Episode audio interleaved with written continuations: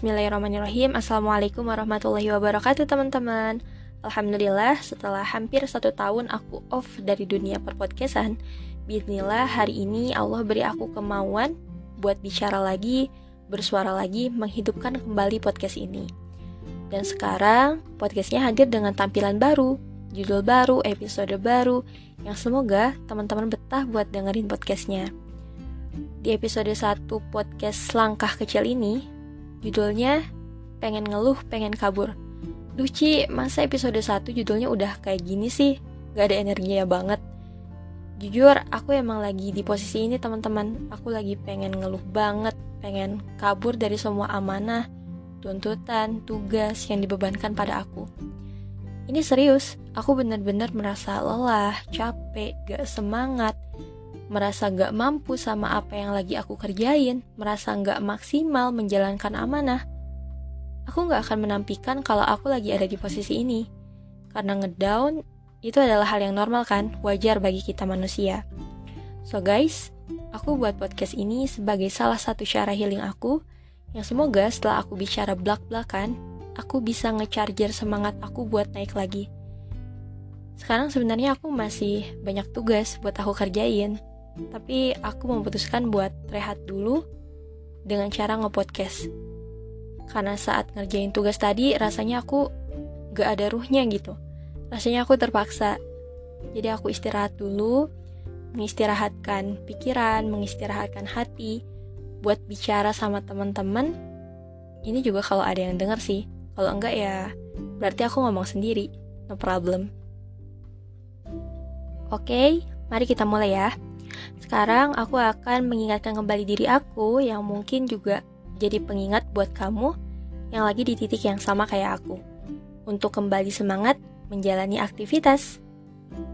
Yang pertama, mari kita luruskan lagi niat kita.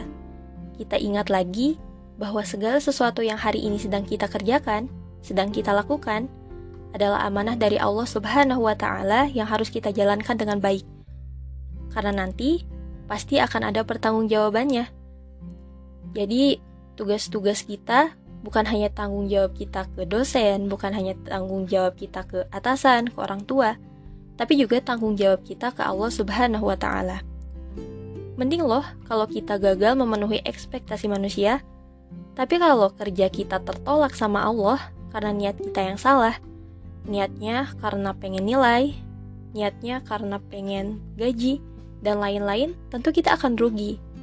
Karena kehidupan akhirat juga dijamin dari situ. Jadi, mari kita luruskan niat lagi bahwa aktivitas kita adalah amanah dari Allah, dijalankan karena Allah, selesainya pun karena Allah.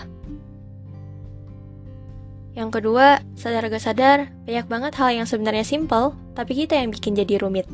Kayak ketika kita dapat tugas yang lumayan sulit, yang kita dulukan adalah ngeluh, menggerutu. Kenapa sih dapat tugas yang susah? Kenapa sih kayak gini, kayak gitu? Tapi akhirnya tetap kita kerjain. Padahal kalau dari awal kita memilih buat menerima dengan lapang, berdoa sama Allah buat dimudahkan dan berpikir positif bahwa tugas itu datangnya dari Allah dan Allah kehendaki kita buat mengerjakannya karena Allah tahu kita mampu bahwa Allah nggak akan mengembankan sesuatu entah itu amanah atau cobaan pada seseorang kecuali karena dia mampu.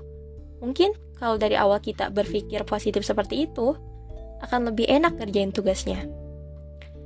Nilai ikhlas dan ridho itu terlihat di awal.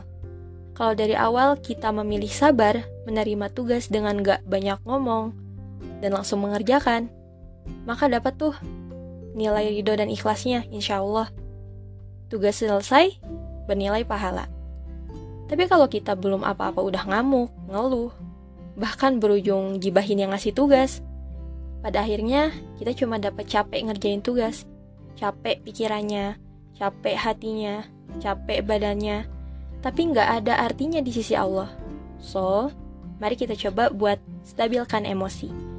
Seberat apa pun tugas, dulukan pikiran-pikiran baik.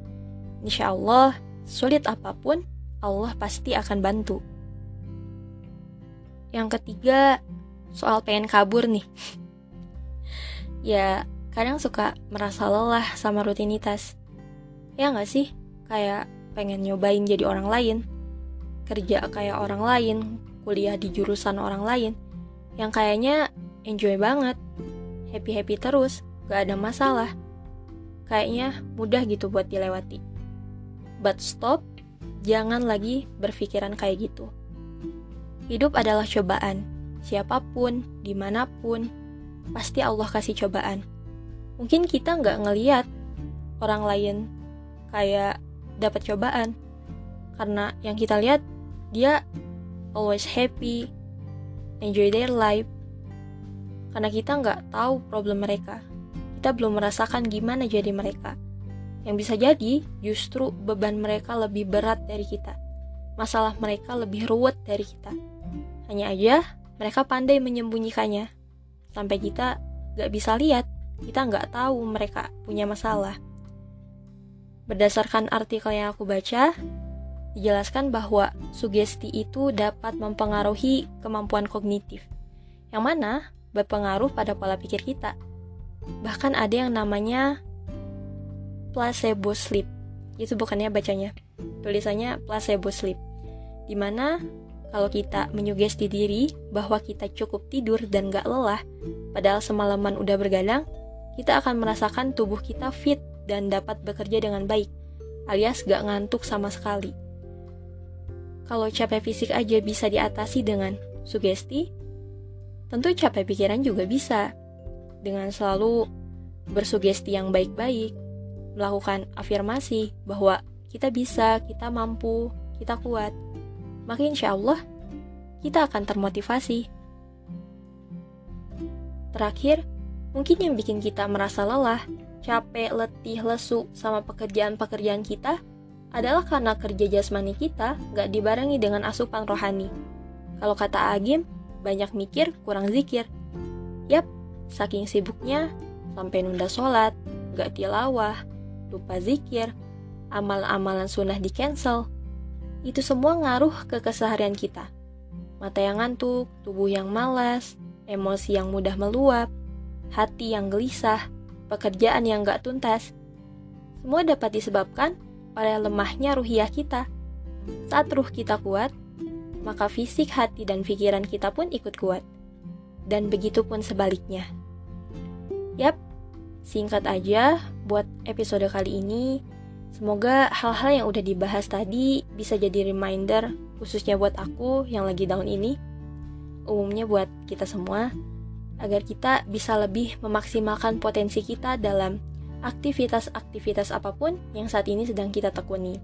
Karena setiap momen dalam hidup adalah kesempatan, kesempatan beramal, kesempatan meraih ridho Allah, yang jangan sampai disia-siakan dengan leha-lehanya kita, ngeluhnya kita, emosionalnya kita, sehingga cuma dapat capeknya aja, tapi nggak dapat ganjaran akhiratnya. Oke, teman-teman, sekian dari aku. Doain yang baik-baik buat aku. Sampai bersua lagi di next episode. Insya Allah. Wassalamualaikum warahmatullahi wabarakatuh.